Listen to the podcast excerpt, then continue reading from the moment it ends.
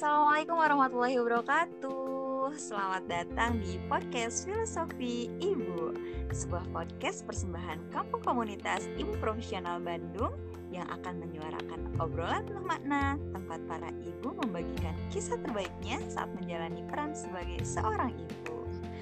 Ya, perkenalkan nama saya Kirani Jasmara. Di sini saya mewakili Rumble Public Speaking dan kali ini saya ditemani oleh dua narasumber keren lainnya yang akan membahas topik yang seru banget.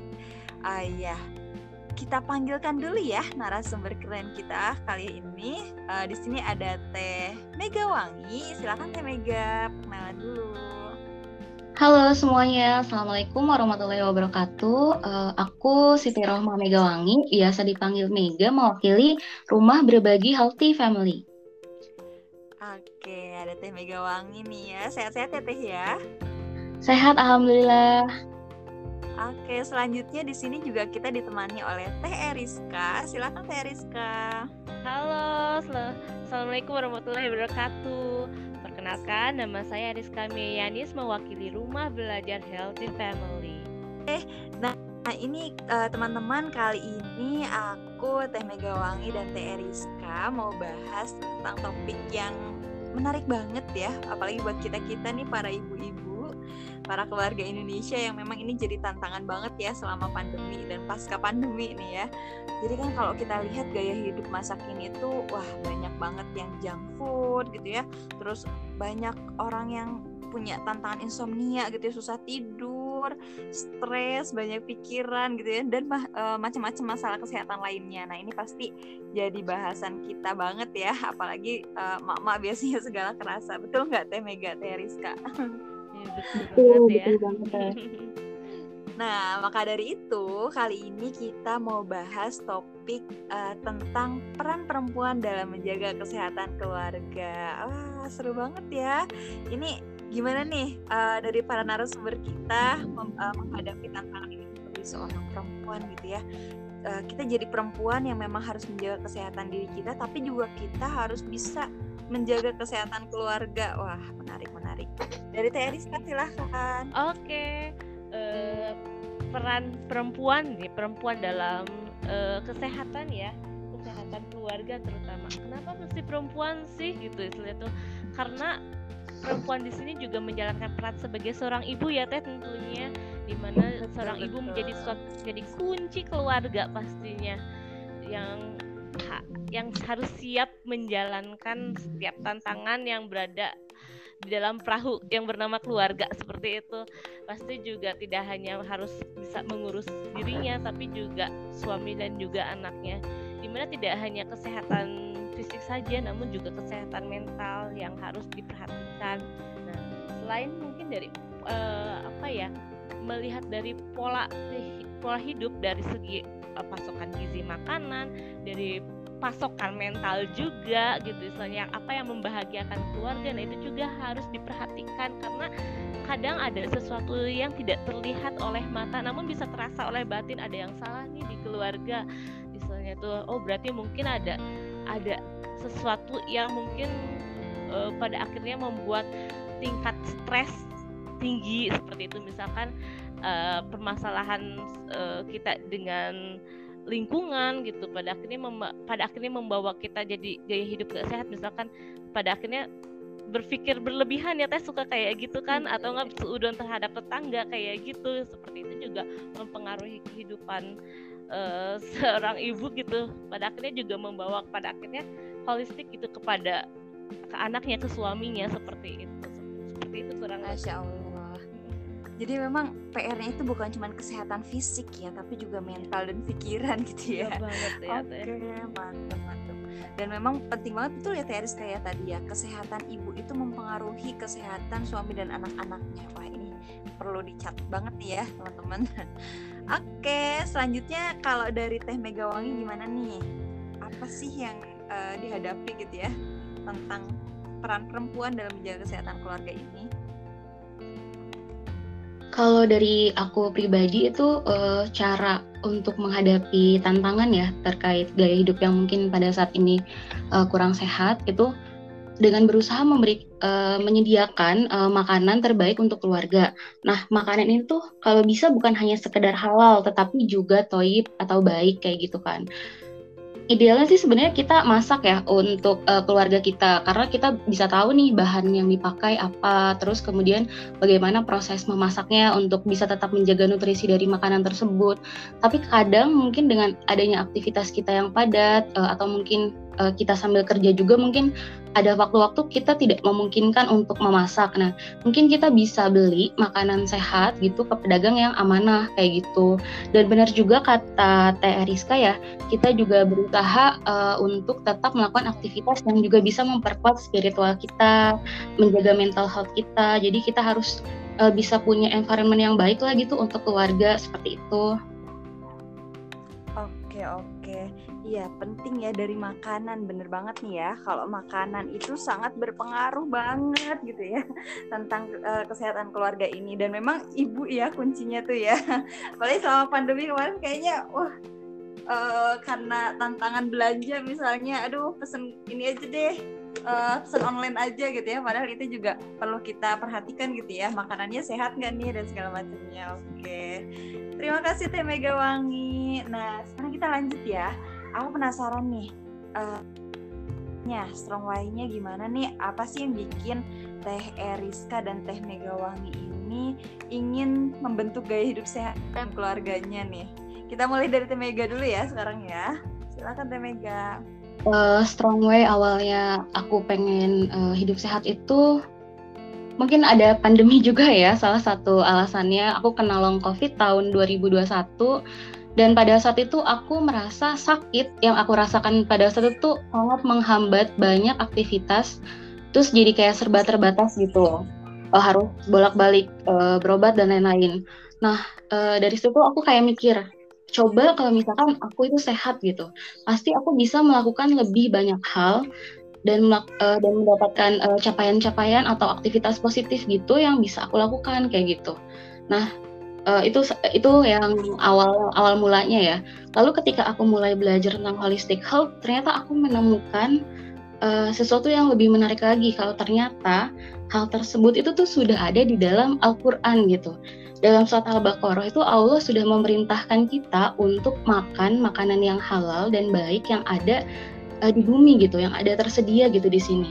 Jadi kayak uh, wow gitu. Jadi uh, ternyata semua itu tuh berkaitan gitu jadi ternyata gaya hidup sehat itu bukan cuma sekedar untuk sakit tapi ternyata ada kaitannya dengan keimanan kita juga kan sama perintah Allah tersebut gitu jadi kayak saminawa atau na berusaha menjalankan semuanya dan berusaha juga menjaga amanah yang Allah berikan gitu bagaimana kita menjaga tubuh kita gitu yang Allah kasih pinjam sampai kita ketika kita mengembalikan lagi ke Allah itu dalam keadaan yang paling terbaik seperti itu. Masya Allah, bener banget ya. Ini tubuh kita itu adalah titipan yang memang harus kita jaga ya. Supaya kita juga bisa ngembaliin dalam kondisi terbaik. Wah ini ngejelek banget nih teh Megan nih bahasannya masya Allah ya. Nah kalau dari teh Eriska sendiri gimana nih teh? Strong way-nya pengen membentuk gaya hidup sehat dalam keluarga. Oke okay. kalau aku sendiri secara pribadi mungkin ada dua ya ada dua. Yang satu ingin keinginan untuk hidup sehat. Kalau suamiku itu keluarganya itu uh, gula dan kemarin covid juga hingga ada uh, pamannya dua-duanya meninggal ya karena komplikasi gula dan covid juga gitu. Jadi benar-benar diperhatikan gitu istilahnya apa yang dimakan uh, aku ngerasa bahwa gaya hidup sehat adalah satu kunci keberhasilan dalam uh, kehidupan baik individu uh, suami maupun anak-anak terutama untuk masa depan Kenapa? Karena aku berpikir bahwa bah mungkin di sini teteh-teteh ada yang tahu mengenai Adam Smith yaitu adalah seorang ahli ekonomi dari Inggris pada abad e, zaman revolusi industri mengemukakan teori-teorinya itu sebenarnya tuh hingga bisa dipakai hingga sekarang itu adalah karena ibunya yang selalu memasakkan untuk dia. Seperti itu. Jadi gizi dia berpikir itu semuanya berasal dari ibunya. Seperti itu. Keberhasilannya tanpa secara tidak langsung selain dari usaha dia dalam mungkin mengembangkan teorinya tapi juga dari uh, apa yang ibunya persiapkan seperti itu. Dari dalam dapur dari dalam rumah. Ya, masya Allah, iya iya benar-benar. Wah ini uh, luar biasa banget ya baru awal-awal bahasan tapi bahasannya udah pada ngejelup-jelup nih dari Teh Rizka. Masya Allah. Nah kita langsung aja kali ya. Uh, kita pengen tahu nih Teh Eriska dan Teh Megawangi sejauh ini pengalaman belajarnya dari mana aja. Share dong Teh biar kita juga ikutan belajar gitu. Eh, boleh. Ya. Aku sendiri belajar ya kalau gaya hidup sehat itu dari mertuaku. Karena mertua aku itu benar-benar sehat banget gaya hidupnya. Karena ya tadi karena ada turunan gula tadi ya teh. Karena kan yang meninggal itu adik yeah, iya. kembarnya. Ya istilahnya jadi benar-benar sangat menjaga gitu istilahnya. Pola makan tuh benar-benar sangat rendah apa ya gula tuh di, dilihat gitu kok e, benar-benar diper, diperlihatkan. Bahkan sampai sekarang pun saya yang awalnya sangat uh, sweet hot gitu ya suka suka yang manis-manis pas udah menikah gitu menikah dengan an anaknya gitu. Saya jadi nggak suka manis waktu jadi keikutan gitu. Padahal kalau kata suami saya dulu hampir tiap kayaknya setiap minggu sekali itu beli kue cake kayaknya tuh sampai enak kata dia yeah, tuh iya. ngeliat. Tapi karena ya demi menjaga hidup sehat dan saya mengingat bahwa anak saya pun ada kemungkinan kecenderungan untuk ke arah situ ya takutnya tuh hasilnya tuh jadinya benar-benar tak mulai seperti itu kayak gitu teh. Justru kalau kita belajar dari orang yang ya mengalaminya langsung gitu ya teh ya. Oh iya ya ternyata hidup nggak sehat tuh efeknya seperti ini jadi iya. kita belajar. Iya benar benar jadi apa dari masakan pun benar-benar dijaga cara masaknya itu seperti misalkan lebih banyak yang dikukus. Bahkan suami pun e, semenjak kemarin kenaikan minyak ya ke saya iya, nggak iya, iya. jarang ada yang digoreng loh jadi kebanyakan memakai Wah. oven gitu kalaupun nggak ada kalaupun nggak ada air fryer fryer gitu jadi jadi di oven aja gitu pada akhirnya benar-benar oh. sehat aja gitu untuk yang goreng-gorengan Masya Allah. Masya Allah keren keren keren bisa mengurangi gula dan minyak minyakan tuh iya. luar biasa ya, jadi lebih hemat sebelumnya iya secara ekonomi jadi lebih hemat Oke, iya, masya Allah ya. Sekarang kalau Teh Megawangi gimana nih pengalaman belajarnya? Kalau dari Teh Ariska kan dari keluarga sendiri ya, berarti sebenarnya support sistemnya udah keren tuh Teh, masya Allah. Aku ngedengerinnya tuh kayak, masya Allah, masya Allah gitu. Udah punya support sistem yang baik di keluarga gitu. Kalau aku sendiri itu uh, aku belajarnya dari sosial media. Jadi aku ngefollow dokter-dokter yang concern di uh, functional medicine terus pakar-pakar naturopati gitu, terus uh, makanan juga nih ada kaitannya sama uh, Teh Ariska juga. Jadi aku nge-follow chef atau orang-orang yang suka share gitu resep makanan sehat. Uh, soalnya maksudnya aku kan pasti apa ya pengen lebih memberikan apa ya mungkin makanan-makanan yang baru gitu. Jadi kayak gimana kita makanan sehat itu tuh enak gitu. Nah, itu kayak jadi aku perlu nge-follow orang-orang yang suka nge-share makanan kayak gitu. Nah, terus uh, udah gitu selain aku nge-follow orang-orang di sosial media, orang-orang yang konsen di holistic health, aku juga ikut komunitas yang memang konsen di kesehatan holistik gitu. Di mana di situ tuh sering ada diskusi-diskusi mendalam terkait case-case tertentu, uh, kemudian juga ketika bingung nih uh, terkait hal yang mungkin kita baru belajar bisa langsung nanya di situ dan banyak banget di situ. Ada dokter ada naturopati juga di situ. Jadi apa lebih enak gitu diskusinya karena langsung sama ahli-ahlinya kayak gitu. Terus okay, jadi kayak okay. punya apa support system juga kali ya di situ. Masya Allah ini belajarnya dari luar berarti ini emang niat gitu ya pengen belajarnya Masya Allah Oke, ini waktunya ternyata tinggal beberapa menit lagi teh. Kita langsung aja ya. Ini kita pengen tahu tentang tantangan teteh. Tapi untuk menjaga pola hidup sehat dalam keluarga kayak gimana nih? Sama tips and triknya nih menjaga pola hidup sehat dalam keluarga versi masing-masing. Gitu. Coba diceritakan ya dari Teh Megawangi dulu deh. Uh, tantangannya itu ini sih teh yang kerasa banget di aku ya. Uh, gimana uh, aku tuh tetap bisa mempertahankan idealisme yang sudah tertanam di dalam rumah. Ketika uh, kita keluar dari rumah gitu aku keluar dari rumah. Terus kayak gimana sih kayak memperkenalkan duniaku uh, mungkin dunia holistic health ini yang belum banyak orang concern ke orang lain kayak gitu. Solusinya uh, mungkin kalau dari tantangan tersebut itu aku ya tetap berusaha ketika di luar itu tetap milih makanan yang uh, sesehat mungkin. Kalau memungkinkan bawa bekal dari rumah terus ya tetap sabar istiqomah aja sih ngejelasin uh, pilihan hidup yang aku punya sekarang gitu ke orang lain. Nah, kalau untuk tips dan triknya nih uh, menjaga pola hidup sehat itu yang pertama banget berdiskusi dan menyatukan pikiran dengan semua anggota keluarga tentang definisi sehat keluarga kita. Karena uh, pasti setiap keluarga tuh definisi sehatnya beda-beda kan. Nah, balik lagi ke poin awal juga menyediakan makanan terbaik untuk keluarga. Uh, terus selain menyediakan, kita juga meniadakan nih makanan atau minuman yang kurang baik di rumah. Jadi ketika makanan yang kurang baik nggak ada, kita otomatis nggak akan makan kan. Terus yang terakhir dan penting banget itu mencari support system atau komunitas yang bisa membuat kita istiqomah kayak gitu teh. Kalau dari aku. Mantap mantap. Harus nyamain dulu persepsi tentang definisi sehat menurut keluarga kita ya dan cari support system gitu ya lingkungan yang baik. Oke mantap. Makasih Teh Mega tips and tricksnya. Lanjut dari Teh Eriska nih. Gimana Teh Eriska tantangannya dan tantangannya oke. Okay. tantangannya ya. mungkin uh, apa ya kayak uh, kalau aku secara pribadi yaitu ketika aku pulang ke rumah mama atau orang tua kita yang berbeda uh, bud budaya budaya apa gaya hidupnya gitu. Bisa kayak aku tuh kayak diajak kembali lagi ke masa lalu gitu yang makanan penuh santan makanan yang penuh gula makanan yang penuh iya, minyak iya. gitu soalnya tuh bahkan mamaku sampai waktu minyak lagi susah aja dia tetap seminggu itu dua dua liter kalau nggak salah. Telur goreng itu tetap dua liter kata teh. Itu dipakai mandi atau uh, gimana gitu. Terus aku mikir oh iya ya. Terus pas tantangannya adalah mungkin kembali lagi ya harus kembali lagi apa ya kitanya bisa menguatkan diri gitu pas waktu itu mamaku pernah ngasih minyak seliter terus pas berapa bu sebulan gitu berapa dua bulan baru habis gitu kata mama tuh itu minyak diapain didiamin dipakai enggak? Dipakai cuma emang sedikit sedikit dipakai lah seperlunya karena sesuatu yang berlebihan itu sebenarnya tidak baik bukan dalam dalam Al-Quran pun seperti itu sebenarnya ya. Ketika tantangannya adalah kita menahan diri untuk mengonsumsi sesuatu yang berlebihan karena apa pun yang berlebihan itu akan menghasilkan sesuatu yang buruk termasuk dalam kesehatan. Tantangannya di situ sih yaitu perbedaan apa ya sudut pandang iya, kebiasaan yang sudah dirubah ya. Kemudian kalau tips and tricksnya adalah ayo teh mari kita belajar teh teh ibu-ibu di sini kita belajar hemat. Karena hidup sehat itu sebenarnya adalah hemat kata kalau kata aku kayak gitu.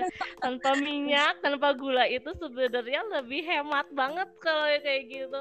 Terus mengurangi santan iya, iya. juga kayak gitu tuh hemat banget dalam makanan sebenarnya. Bisa bisa dialihkan budget budgetnya ke yang lain yang mungkin lebih bermanfaat.